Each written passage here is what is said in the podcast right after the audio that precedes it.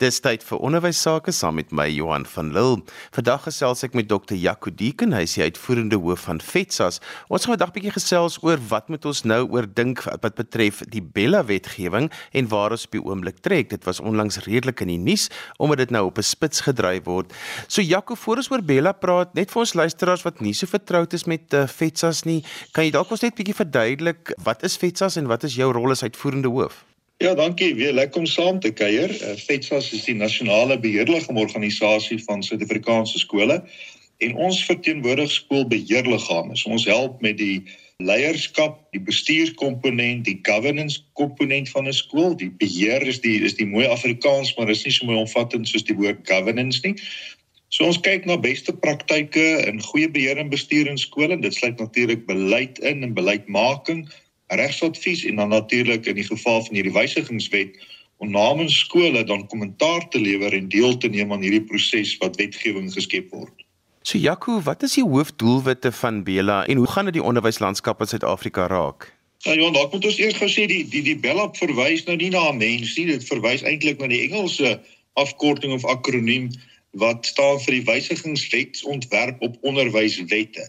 So dis nog nie 'n wet nie, die Engels praat van 'n bill Dis waar die laaste B vandaan kom en nie 'n act nie.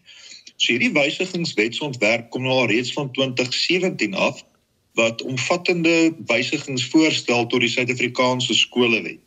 Nou die skolewet is die belangrike dokument wat ons gebruik om openbare skole te bedryf en te bestuur en die laaste wysiging was 2011. So dit is tyd vir wysigings en sedert 2011 na vandag toe het die wêreld verander met elektroniese kommunikasie en lesse wat ons tydens Covid geleer het, soos 'n paar tegniese wysigings. Maar ongelukkig het daar ook 'n paar politieke knope en dubbeltjies ingekom en ek sal net nou iets daaroor sê. Want dit bring my juist by die volgende vraag is hoe voel FETSAS oor die veranderinge in skoolbestuur en die groot beheer wat die provinsiale onderwysdepartemente oor skole kan hê onder Bella?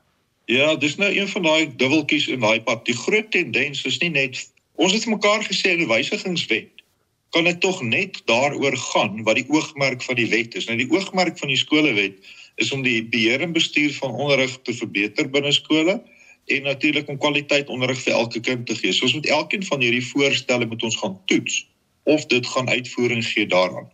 En die groot bepalinge waar ons baie bekommerd was en ernstig oor beswaar gemaak het, is natuurlik die bepaling dat taal en toelating daardie twee klousules die onderwyshoof dit moet goedkeur of dan in effek die besluitneming oor 'n skool, skool se taalbeleid of toelatingsbeleid in die hande van 'n onderwyshoof van 'n provinsie gaan lê. Die meeste van die gevalle daai persone in daai kantore het nie eers die vermoë om skrywes te beantwoord nie. En skielik moet daar 22740 beleide na gekyk word en goedgekeur word en ons dink dis 'n absolute magsmisbruik en vergryp van staatswese kant af. Volgens klousule is ons bekommerd dat daar 'n voorstel dat almal wat op 'n beheerliggaam dien met 'n volledige finansiële belangeverklaring doen, sowel as die van nabye familielede. Nabye familie word nou nie beskryf nie. Ek is nou nie seker as my niggie nou nie haar state vir my stuur of ek gediskwalifiseer sal word op 'n beheerliggaam nie. Dit is 'n simpel bepaling, want daar's reeds voorsiening gemaak vir botsing van belange. Ons dink dit gaan goeie mense afskrik om op beheerliggame te dien. En onthou 'n lid wat op 'n beheerliggaam dien, doen dit vrywillig ons verwag nie eens so streng vereiste van verslagdoening of verklaring van betaalde politici nie. Dan is ons bekommerd dat die staat al hoe meer sentraal wil aankoop, die sogenaamde central procurement. Nou in teorie, in privaat praktyk as jy in groot maat koop, koop jy goedkoper. Maar in die staat het ons nou gesien is dit 'n absolute teelarea vir korrupsie en die Zondo-kommissie het vir ons genoeg daarvan gewys. So dis iets wat dalk nie vir die toekoms uitgesluit is nie, maar op hierdie stadium is ons stelsel nie gesond genoeg om dit te kan hanteer nie. En dan wil ons ook graag hê dat die dit goed funksionerende skole beet meer magte moet kry en meer vryheid moet kry want jy stuur nou 10 amptenare na skool toe waar dit goed gaan en jy stuur nie twee amptenare na skool wat swaar trek nie. So gaan kyk na die skole wat goed presteer onttrek van die staat se oorpolisieering en gaan help regtig die skole wat sukkel. So dis 'n paar van die van die aspekte wat ons aangespreek het en dan sal 'n paar gebreke of goed wat nog moet bykom wat ons ook voorstelle oor gemaak het. Want ek wil juist uitkom by daai dinge wat die gebreke, dit wat nog met voorstelle wat jy gemaak het, maar dit klink nie vir my of baie van die voorstelle ewen selfs in ag geneem is sover nie. Ja, ek gaan nou by die die voorstelle wat in die snippermandjie beland het uh, by uitkom. Dit wat nie in die wet aangespreek is nie wat ons nou hoop sou bykom is onder andere daardie artikel 21 funksies om te sê moenie 'n goeie skool oor polisieer of oor diens nie uh, of frustreer nie. En dit het ons spesifiek aangespreek. Ons is bekommerd dat die tegnies het ons een onderwysstelsel maar in praktyk het ons 10 verskillende stelsels en elke provinsie maak soos wat hulle lekker kry. En dit skep vir ons chaos op finansiële bestuur met elke provinsie wat in 'n ander rigting trek. So ons soek 'n uniforme stelsel wat riglyne gee oor finansiële bestuur in plaas van amptenary op op uh, provinsiale vlak. Dan is dit vir ons baie belangrik om te te sê dat die skolewet is die enkele belangrikste wet wat daar is. En 'n provinsie kan nie deur 'n regulasie eintlik die skolewet se bepalinge tot niet maak nie. En tans kom provinsies weg met dit en dan manipuleer hulle die stelsel en ehm um, deur 'n regulasie of 'n provinsiale wet gaan ons nie deur so 'n slagtige verantwoordelike prosesse met die skolewet nie. En natuurlik is ons bekommerd dat beheerliggaam organisasies op nasionaal en provinsiale vlak tans eintlik net 'n ooreenkoms het met die minister en met die provinsiale regerings om kwartaalliks te vergader en dis nie 'n statutêre struktuur nie. So ons versoek dat hierdie 'n formele statutêre struktuur word.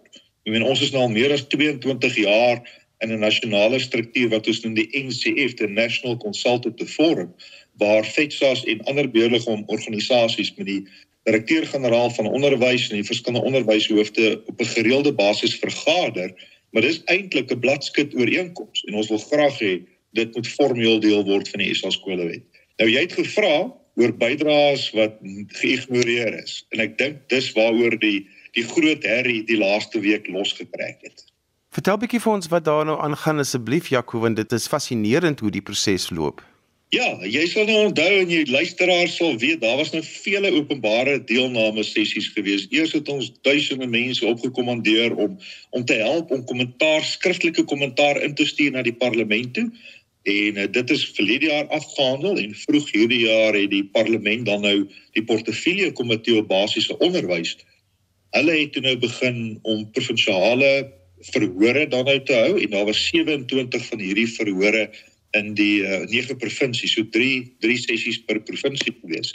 Nou as ou hierdie kommentare bymekaar gaan tel, dit wat skriftelik ontvang het, die mondelinge voorleggings en dan skriftelike voorleggings tydens die provinsiale besoeke, dan afhangende na wiese getalle jy luister, is dit tussen 32 tot 34000 stukke kommentaar wat ingedien is. En tot en met uh, verlede week of voorvlede week in die parlement se eie eh, personeel gesê tussen 6 uh, 6000 kommentare is nog nie verwerk nie. En toe het uh, die DA gesê op hulle berekening is daar 9000 kommentare wat nie verreken is nie. En tog het die portefeulje komitee op daai stadium besluit maar hulle gaan voor ongeag die kommentaar wat nog nie verwerk is nie om dan nou hierdie wetsontwerp klousule vir klousule te bespreek. En uh, nou twee van die partye het daardie daardie stadium uitgestap uit protes. Dis die eerste dag van die bespreking en toe was daar nie 'n quorum nie om juist die die kollig te plaas op die feit dat daar was 'n skyn deelname gewees en hoekom is 6 of 9000 insette dan nou nie verwerk nie. En dis waar Fetsos dan nou ook ons verklaring uitgereik het of eerstens 'n brief gestuur het vir die voorsitter van hierdie komitee en dan 'n mediaverklaring daarna uitgereik het en ons het in die dokument en ons skrywe eintlik drie aspekte aangeroer.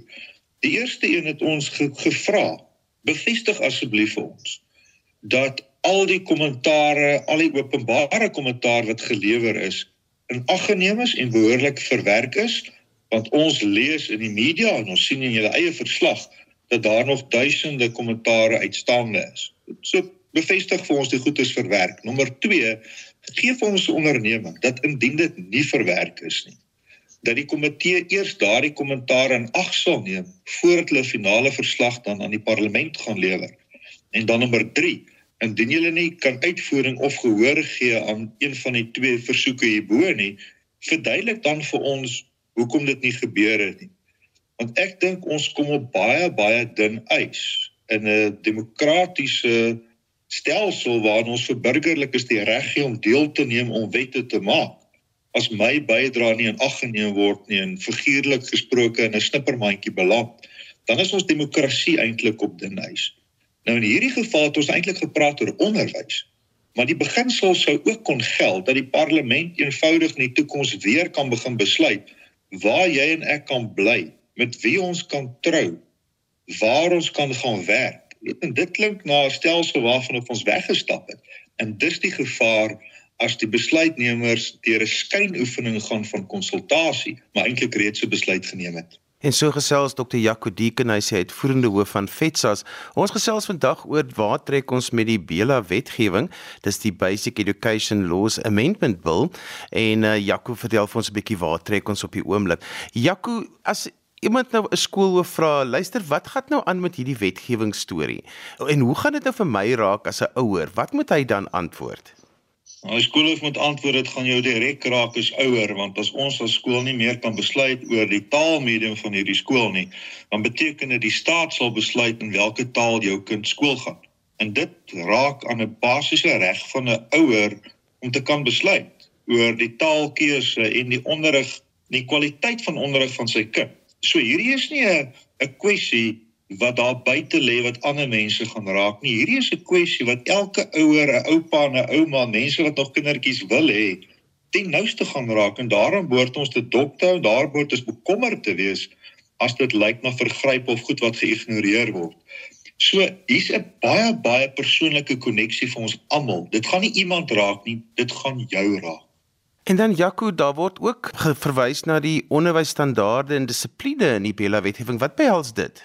Ja, ek ek dink die daar's nie verskriklike strukturele fokus eintlik daar nie. So daar's meer tegniese wysigings dat uh, weet hoe hoe die appel se werk by dissiplinêre verhoor en en die stappe. Maar niks in daardie komponent gaan aardskuddende nuwe ontwikkeling veroorsaak of die kwaliteit van onderrig verhoog nie. So in baie van ons definisies en jy praat nou oor die dissipline gaan oor oor die lyfstraf en daai die definisie van lyfstraf is baie meer verfyn waarmee ons gemaklik is. Men lyfstraf is letterlik baie jare terug uh toe die wet in uh in lewe geroep is 25 jaar terug is lyfstraf afgeskaf. Maar ons weet dat in baie skole word dit nog toegepas. En die definisie was so eng geweest dat baie onderwysers letterlik weggekom het uh, op tegniese punte. So die definisie is nou baie wyeer gemaak. So dis nie net as 'n kind geslaan word nie, Dis nou ook as ek 'n kind sien maar sê jy jy mag glad nie badkamer toe gaan nie. Vir jou straf gaan jy nou heeldag net hier sit wat wat dan eintlik on, onaanvaarbaar is terwyl daar 'n ander meganisme geskep is om om dit te hanteer. Maar die kort en die lank is en dis eintlik dalk die hartseer van hierdie wet. Niks van die bepalinge wat wat nou in die wet ingesit word gaan noodwendig veroorsaak dat die kwaliteit van die onderrig wat die kind ontvang gaan verbeter nie. En dis hoekom ons bekommerd moet wees. Jakorak hierdie wetgewing enigstens onafhanklike skole? Onafhanklike skole tot 'n baie mindere mate, maar die tuisonderrig gemeenskap is op hulle agtervoete oor die bepalinge en die voorstelle wat oor hulle gemaak word. So daar's 'n groot fokus op die openbare skole. Die onafhanklike skole is 'n kleiner segment in in terme van die die hoofstukke in die SA skolewet So hulle het minder bepalinge wat wat direk op hulle gaan ver, verband hou. Ek dink indirek van die beginsel sal geld. Maar in die openbare deelname proses en veral die die openbare verhore dink ek het die tuisonderrig gemeenskap baie goed gedoen om te mobiliseer. Was veral bekommernis uit hulle geleedere oor uh oor strenger regulering en assessering en tuisbesoeke en ek dink hulle hulle het baie goed gedoen deur hulle boodskap sterk en effektief oor te dra. Terloops, ek het nou hierdie bespreking in die portefeulje komitee gevolg en net daai enkele klousule wat hulle oor tuisonderrig ingesit het in hierdie wysigingswetsontwerp het vir byna 2 ure se bespreking gelei in daardie portefeulje komitee en ek het nou ook die aanlyn bespreking van die tuisonderrig gemeenskap gevolg en is duidelik dat hulle ook gereed maak vir hofaansoek indien daai bepalinge onveranderd sou deurgaan. So Jaco, wat is nou die stappe vorentoe? Waar trek ons presies en wat gebeur nou vorentoe en wat gaan die uiteinde wees? Daai Johan, dis 'n baie baie goeie vraag. Ehm uh, want 'n wetgewende proses is baie gekoppel aan die termyn van die administrasie. Nou in eenvoudige Afrikaans, as ons 'n verkiesing ingaan, dan is al hierdie werk moet afgehandel wees voor die volgende verkiesing. Nou as ek so 'n bietjie agterste voor kan antwoord. Die parlementêre termyn is 5 jaar en teen Augustus moet daar 'n nuwe administrasie in plek wees. En nou kan hy ou begin terugwerk. Dis nou Augustus volgende jaar op die laaste. So daai verkiesing kan afgekondig word.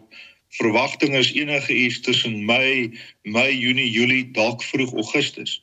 En as ek dan weer 'n entjie terugwerk, weet ons so 2 maande voordat die verkiesing plaasvind, probeer die parlement hulle administratiewe prosesse klaarmaak dat die politici en hulle kiesafdelings kan gaan werk. So nou met daai 2 maande gaan aftrek. En as ou dan 'n datum kry, teen daardie tyd moet hierdie wet afgehandel wees. So dit laat ons met tamelik min tyd want ons het weer 'n Kersfees en 'n recess wat lê tussen daardie datums. So terug na na jou vraag toe, waar trek ons nou? Onthou ons werk na einddatum toe voordat uh, hierdie parlement uh, moet ontbind. Die portefeulje komitee kry nou op die 28ste Augustus kry hulle weer 'n weergawe van die wet nadat die departement en die parlement se regsdienste die bespreking se uitkomste verwerk het en dan leer 'n sogenaamde B-weergawe van hierdie wet voor, die konsepwet. En dan kan die politici en die komitee dit nou weer bespreek, die portefeulje komitee en as hulle klaar is, is dit hulle verantwoordelikheid om dan nou hierdie konsepwet in sy nuwe formaat, die sogenaamde B-act of die B-bill, uh, dan voor die parlement te gaan plaas waar die parlement dan uit daaroor moet stem. Nou hier moet ek ook verduidelik, die parlement, as ek nou praat, praat ek van die twee kamers amper as ek daai woord kan gebruik, die nasionale vergadering wat eers te gaan moet stem om dit te aanvaar, natuurlik debatteer en stem en as hulle dit aanvaar, dan moet hierdie konsepwet dan nou ook dien vir die nasionale raad vir provinsies.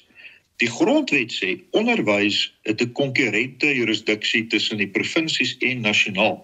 Nou die minister het al voorheen gesê sy het nie enkele skool nie en sy's reg want al ons skole is in provinsies. So hierdie nasionale raad van provinsies kry dan ook die geleentheid om hierdie dokument te bespreek.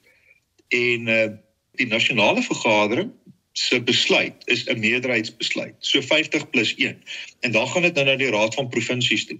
En in die raad van provinsies kan daar 'n paar goed gebeur. Hulle kan dit of aanvaar soos dit is of hulle kan dit aanvaar met wysigings wat hulle dan moet terugverwys na die nasionale vergadering toe of hulle kan dit verwerp.